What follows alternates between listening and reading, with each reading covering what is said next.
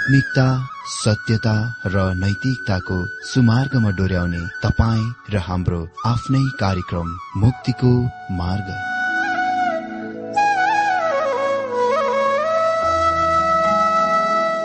आदरणीय श्रोता यस मुक्तिको मार्ग कार्यक्रममा हार्दिक स्वागत छ।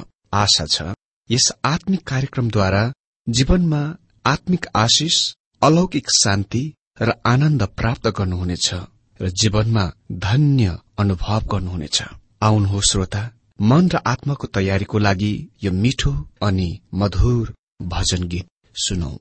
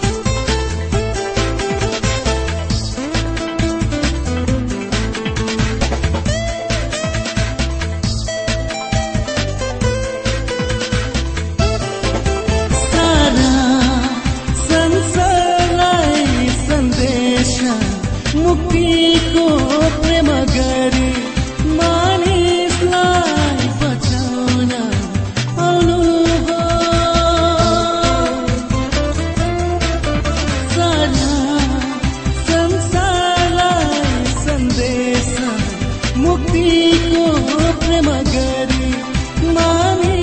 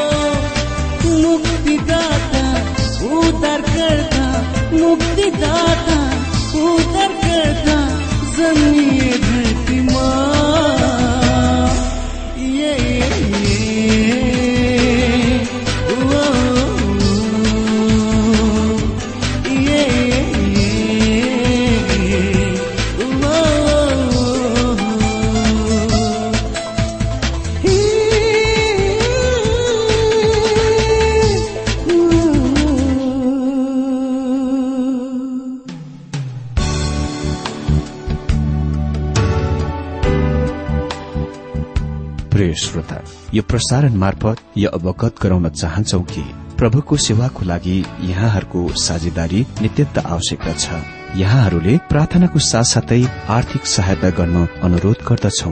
तपाईँहरूको सानो भन्दा सानो भेटी किन नहोस्? हामी प्रभुको नाममा स्वीकार गर्नेछौ प्रभुको सेवाको लागि।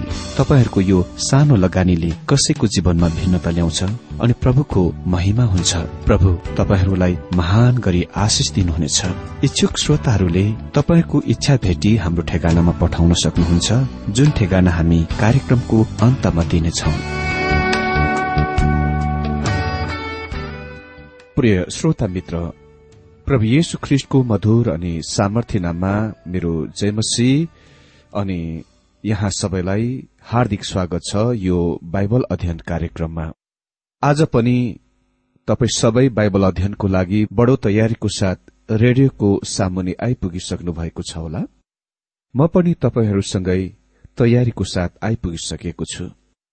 श्रोता पवित्र धर्मशास्त्र बाइबलको क्रमबद्ध अनि श्रृंखलाबद्ध अध्ययनको क्रममा अघिल्ला दिनहरूमा हामीले मन्दिर निर्माण गर्न मानिसहरूलाई हागैद्वारा चुनौती विषय अन्तर्गत हागै एक अध्यय एकदेखि एघार पददेखि तीन उपविषय शाखा विषयहरू हेरिरहेका थियौं। आफ्नो स्वार्थ लाभ फाइदाको सम्बन्धमा इसरायलीहरूलाई दोषारोपण तिनीहरूका आफ्ना आफ्ना विचारहरूको आफ्ना आफ्ना चालहरूको विचार गर्नलाई बोलावट अनि मन्दिर निर्माण गर्न तिनीहरूलाई आज्ञा। अनि आज हामी हगाई एक अध्यय बाह्र पददेखि लिएर दुई अध्यायको दुई पदबाट बाइबल अध्ययन गर्नेछौ। यहाँ अहिले हागै हामीलाई त्यस चुनौतीको प्रतिजवाब वा प्रतिक्रियाको बताउँछन् जुन परमेश्वरले इसरायलका मानिसहरूलाई दिनुभएको थियो। सबभन्दा पहिला यहाँ हामी देख्छौ मन्दिरको निर्माण मानिसले आज्ञा पालन गरे। मन्दिरको निर्माणको लागि मानिसहरूले आज्ञा पालन गरे। हागै एक अध्यय बाह्र पदमा लेखिएको छ तब परमप्रभु आफ्ना परमेश्वरले तिनीहरूलाई पठाउनु भएको कारणले साल्तियलका छोरा यरुबाबेल यौसादकका छोरा प्रधान पुजारी यहोसु र बाँकी रहेका प्रजा समेतले परमप्रभु आफ्ना परमेश्वरको आवाज र हागै अगम वक्ताको कुरा पालन गरे अनि मानिसहरूले परमप्रभुको डर माने। मित्र यरुबाबेल राज्यपाल यहोसु प्रधान पुजारी अनि बाँकी रहेका प्रजाले चाहिँ ती मानिसहरूको संकेत गर्दछ जो बाबेल को कैदबाट बन्दुवाबाट आफ्नो इसरायल मुलुकमा फर्किआएथे। तिनीहरूले गरेका दुई कुराहरूको ध्यान दिउ पहिलो तिनीहरूले परमेश्वरको आज्ञा पालन गरे। समूल भविष्य वक्ताले अनज्ञाकारी राजालाई भनेथे पहिलो समूल पन्ध्र अध्ययको बाइस पदमा आज्ञा पालन बलिदान भन्दा उक्तम हो र उहाँको वचन मान्नु। भेडाको बोसो भन्दा असल हो। अनि प्रेरित युहनाले यसलाई यसरी राखे पहिलो युहन्ना एक अध्ययको सात पदमा यदि उहाँ ज्योतिमा हुनुभए झै हामी पनि यदि हामी पनि ज्योतिमा हिँड्छौ भने यदि उहाँ ज्योतिमा हुनुभए झै हामी पनि ज्योतिमा हिँड्छौ भने एउटा अर्कासित हाम्रो संगति हुन्छ। र उहाँका पुत्र येशुको रगतले हामीलाई सबै पापबाट शुद्ध पार्दछ। देख्नुभयो हामी परमेश्वरको वचनको ज्योतिमा हिँड्नै पर्छ र वचनले हामीलाई नम्र बनाउनेछ र हाम्रा असफलताहरू विफलताहरूको हाम्रा कमी कमजोरीहरूको देखाउनेछ। हामी धेरैजना ती कुराहरूलाई हाम्रा ध्यानमा ल्याउन चाहँदैनौ। मन पराउँदैनौ। तर यदि हामी ती कुराहरूका थाहा पाए र ती कुराहरूसँग व्यवहार गरे हामीले पत्ता लगाउने छौ कि येशु ख्रिष्टको रगतले हामी निरन्तर सम्पूर्ण पापबाट शुद्ध गरिरहनेछ र हामी परमेश्वरसँग संगति गर्नेछौ। यसरी हामी देख्छौ इसरायलका मानिसहरूले परमेश्वरको आज्ञा पालन गरे मन्दिर पुननिर्माणको लागि। साथै दोस्रो कुरा तिनीहरूले के गरे भने तिनीहरूले परम प्रभुको भय माने डर माने। हितपदेशका लेखकले भन्दछन् हितपदेश नौ अध्ययको दश पदमा परम प्रभुको डर बुद्धिको आरम्भ हो। यो अति नै महत्वपूर्ण कुरा छ कि मानिसहरूका नेता अगुवा यरबादेल र यहोसुको परमेश्वरप्रति तिनीहरूको आज्ञाकारितामा पहिले प्रथममा उल्लेख गरिएका वा उल्लेख गरिएका छन्।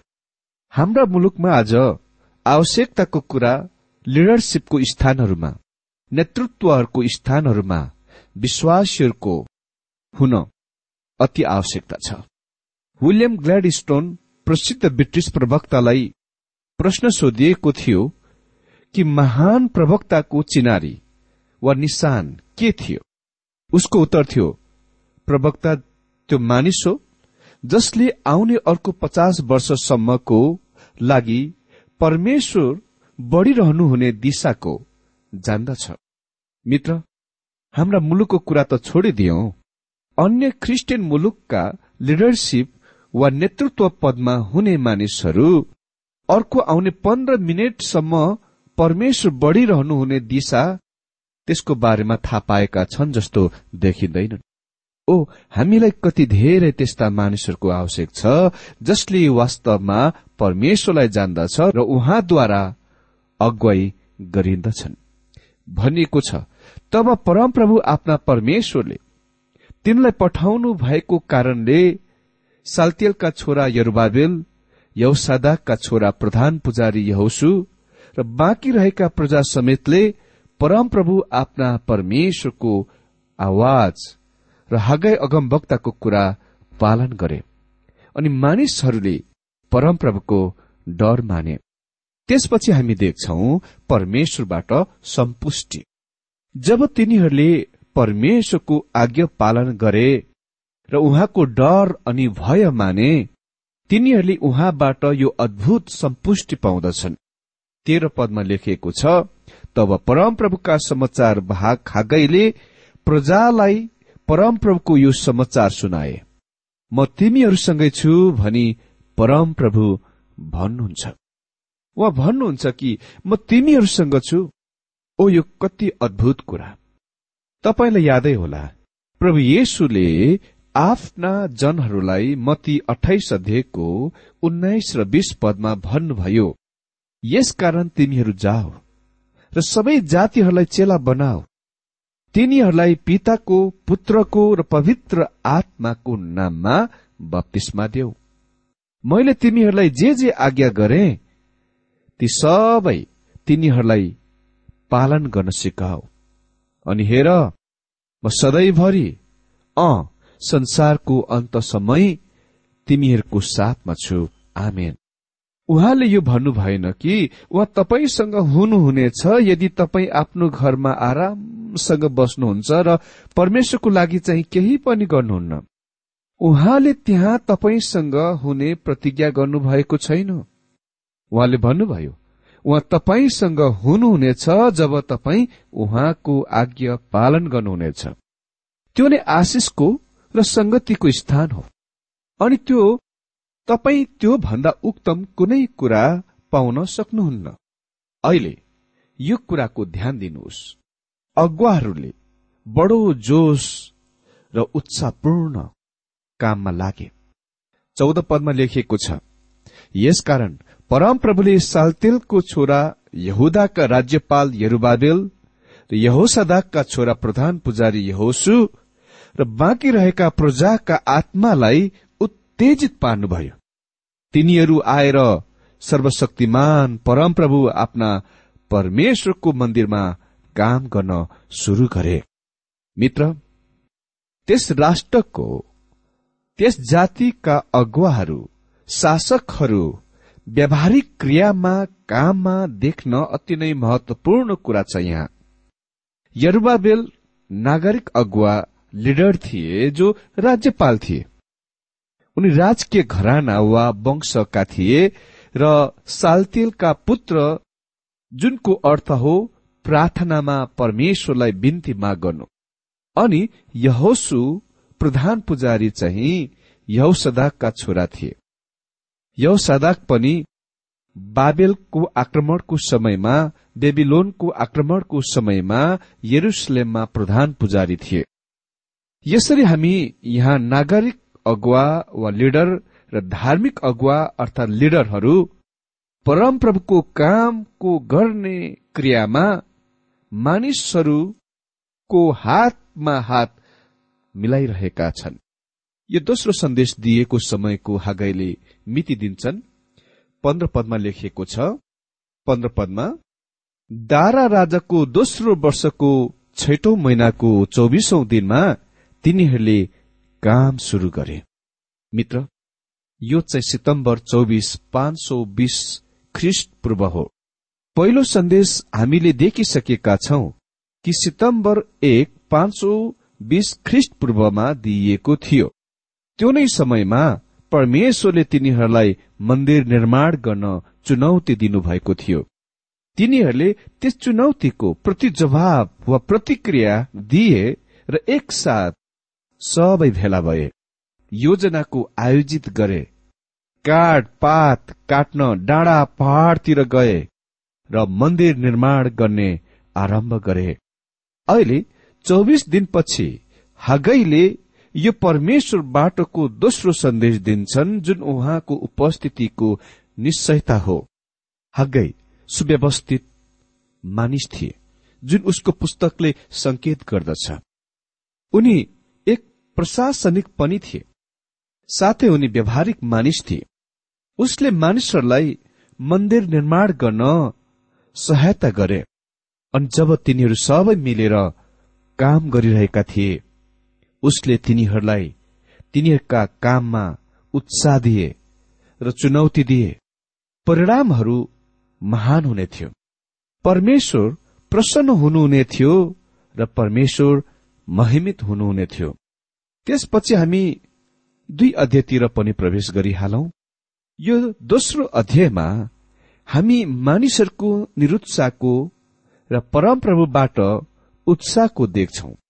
निश्चय नै सुलेमानद्वारा निर्मित पहिलो मन्दिरको तुलनामा यो दोस्रो मन्दिर कमसल थियो घटिया खालको थियो र त्यो नै मानिसहरूको निरुत्साहको कुरा बन्यो। तर परमेश्वरले त्यसको प्रति जवाब दिनुभयो। तिनीहरूलाई उत्साह दिनुभयो। मित्र आज हामी दोस्रो अध्यायबाट एकदेखि तीन पदसम्मबाट मात्र अध्ययन गर्नेछौ। यहाँ हामी देख्नेछौ मानिसहरूको निरुत्साह। दुई अध्यायको एक पदमा लेखिएको छ सातौं महिनाको एक्काइसौं दिनमा परमप्रभुको यो वचन हागै अगम वक्ताद्वारा आयो। यो कुराको ध्यान दिनुहोस् कि यसले चाहिँ सातौं महिनामा स्थान लिए थियो। तिनीहरूले पूर्ववर्ती समयमा परमेश्वरको उत्साहको सन्देश सुनेका दिन चाहिँ छैटौं महिनामा थियो। यसरी अहिले तिनीहरू एक महिनादेखि मन्दिर निर्माण कार्यमा लागिरहेका छन्। तिनीहरूले करिब सुसंगठित हुन र सुव्यवस्थित हुन करिब चौबिस दिन समय बिताए। र अहिले मन्दिर अगाडि बढ्न सुरु गरिरहेको छ र निकै नै बनिसकेको थियो। जब तिनीहरूले यो प्रगतिको कार्य प्रगति देखे त्यहाँ अति नै जोस अनि उत्साह छ। अनि तिनीहरू परमेश्वरको उत्साहको याद गर्छन् म तिमीहरूसँग छु भन्ने यो कथनको। अहिले हामी निरुत्साहको दोस्रो कुरातिर आउँदछौ। हागै दुई अध्ययको दुई पदले भन्छ साल्तियलको छोरो यहुदाको राज्यपाल यरुबाबेल यहुसदाको छोरो प्रधान पुजारी यहोसु र बाँकी रहेका प्रजालाई अब यसो भन। यो सन्देश तिनै मानिसहरू उही झुण्डलाई निर्दिष्ट गरिएको छ जसलाई परमेश्वरले अघिल्लो एक अध्यायमा उही एउटै अगुवाहरू र उही एउटै मानिसहरूलाई उत्साह दिनुभएको थियो। अहिले यहाँ हामी दोस्रो बाधा देख्छौ जुनको हागैले यी मानिसहरूलाई भविष्यवाणी गर्दा सोझ्याउनु पर्ने थियो ठिकठाक गर्नुपर्ने थियो। तीन पद। तिनीहरूलाई सोध। तिमीहरूमध्ये अब यहाँ को बाँकी छ जसले यो भवनको अघिल्लो महिमा देखेको थियो? अहिले तिमीहरूलाई यो कस्तो देखिन्छ त? के तिमीहरूको नजरमा यो त केही पनि होइन जस्तो लाग्छ? मित्र धेरै जसो ती मानिसहरू जो बाबेलको कैद वा बन्धुवाबाट अहिले त्यहाँ इसरायलमा फर्किआएथे तिनीहरूले पहिलो सुलेमानद्वारा निर्मित पहिलो मन्दिरको सुन्दरता भैभव शानको याद गर्न सके सम्झना गरे। यद्यपि तिनीहरूलाई बाबेलको कैदमा लगिएको बेला कम उमेरको बालकहरू भए तापनि तिनीहरू त्यस पहिलो मन्दिरको सुलेमानद्वारा निर्मित त्यो पहिलो मन्दिरको बारेमा केही कुरा याद थियो।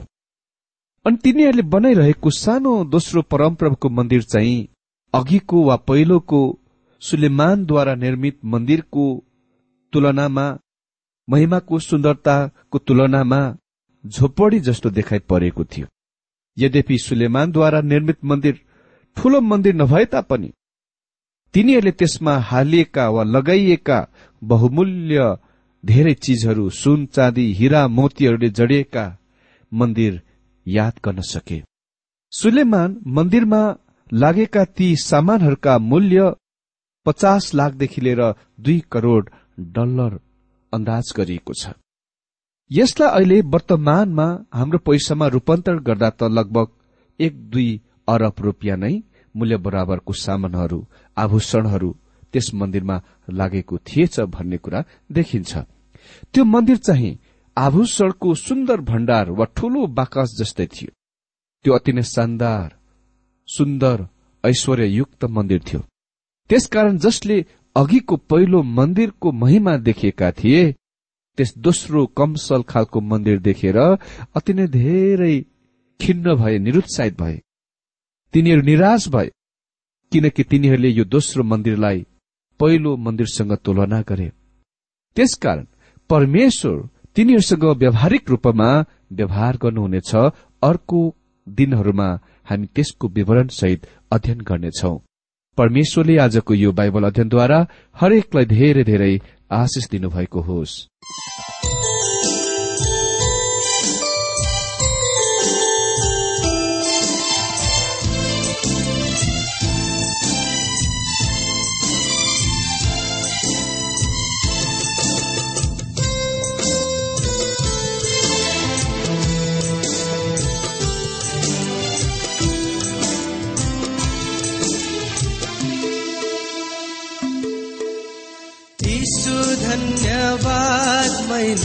बुझ्नु पर्दैन। न आकाश न पृथ्वीका आकृतिहरू। यीशु धन्यवाद मैले बुझ्नु पर्दैन। न आकाश न पृथ्वीका आकृतिहरू। तिमीले चिनाइदियो साँचो परमेश्वरलाई यीशु धन्यवाद।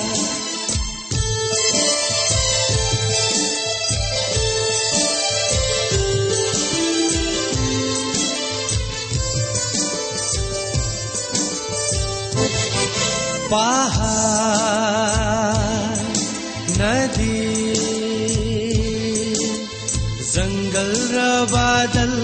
तिम्रा सृष्टि पहाड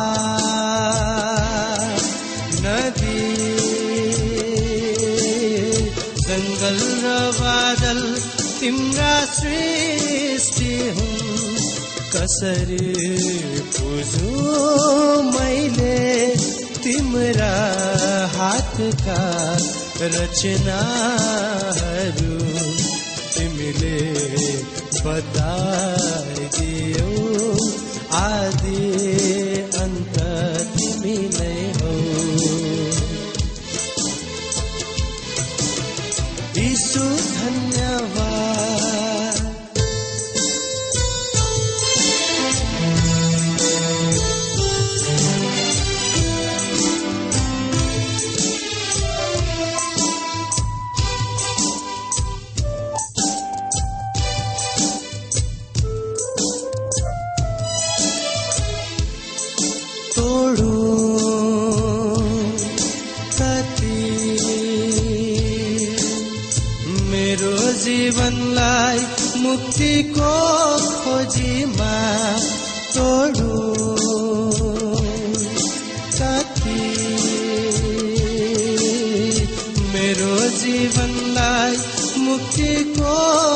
खोजीमा पुण्य गरे भन्छु। छैन शान्ति मेरो आत्मामा तिमीले देखाइदियो। बाटो सत्य र जीवन।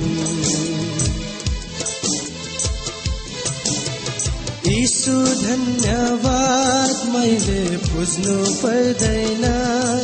न आकाश न पृथ्वीका आकृतिहरू।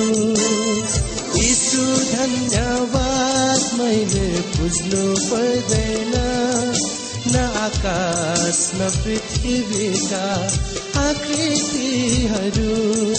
तिमीले चिनाइदियो साँचो परमेश्वरलाई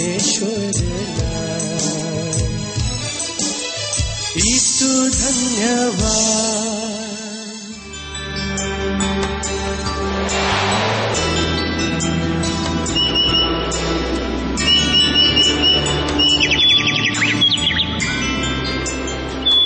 प्रिय श्रोता अहिले भर्खरै तपाईँले टीडब्ल्यूआर नेपालद्वारा सञ्चालित आत्मिक कार्यक्रम मुक्तिको मार्ग सुनिरहनु भएको थियो। श्रोता आजको यो कार्यक्रम सुनेर तपाईँलाई कस्तो लाग्यो? यदि यो कार्यक्रम सुनेर मनमा कुनै खुल्दुली वा कुनै प्रतिक्रिया अर्थात सुझावहरू छन् भने हामीलाई पत्रद्वारा लेख्न सक्नुहुनेछ।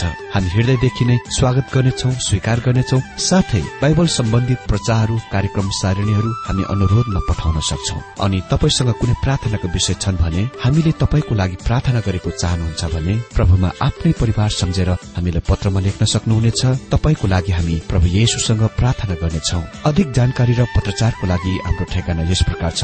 कार्यक्रम मुक्तिको मार्ग जीपीओ नम्बर उनानब्बे पचहत्तर इपिसी पच्चिस एकसठी काठमाडौँ। ठेगाना एकपल्ट सुन्नुहोला। कार्यक्रम मुक्तिको मार्ग जीपीओ नम्बर उनानब्बे पचहत्तर इपिसी पच्चिस एकसठी काठमाडौँ। हाम्रो इमेल एड्रेस हो TWR Nepal at Yahoo dot com साथै यस नम्बरमा एसएमएस गर्न सक्नुहुनेछ अन्ठानब्बे चार सत्तरी पैतिस छ सय उनासी नौ आठ चार सात जिरो तीन पाँच छ सात नौ। हुन्छ श्रोता आजलाई हामी विदा चाहन्छौ। अर्को कार्यक्रममा हामी पुनः भेट्नेछौ तबसम्मलाई नमस्कार।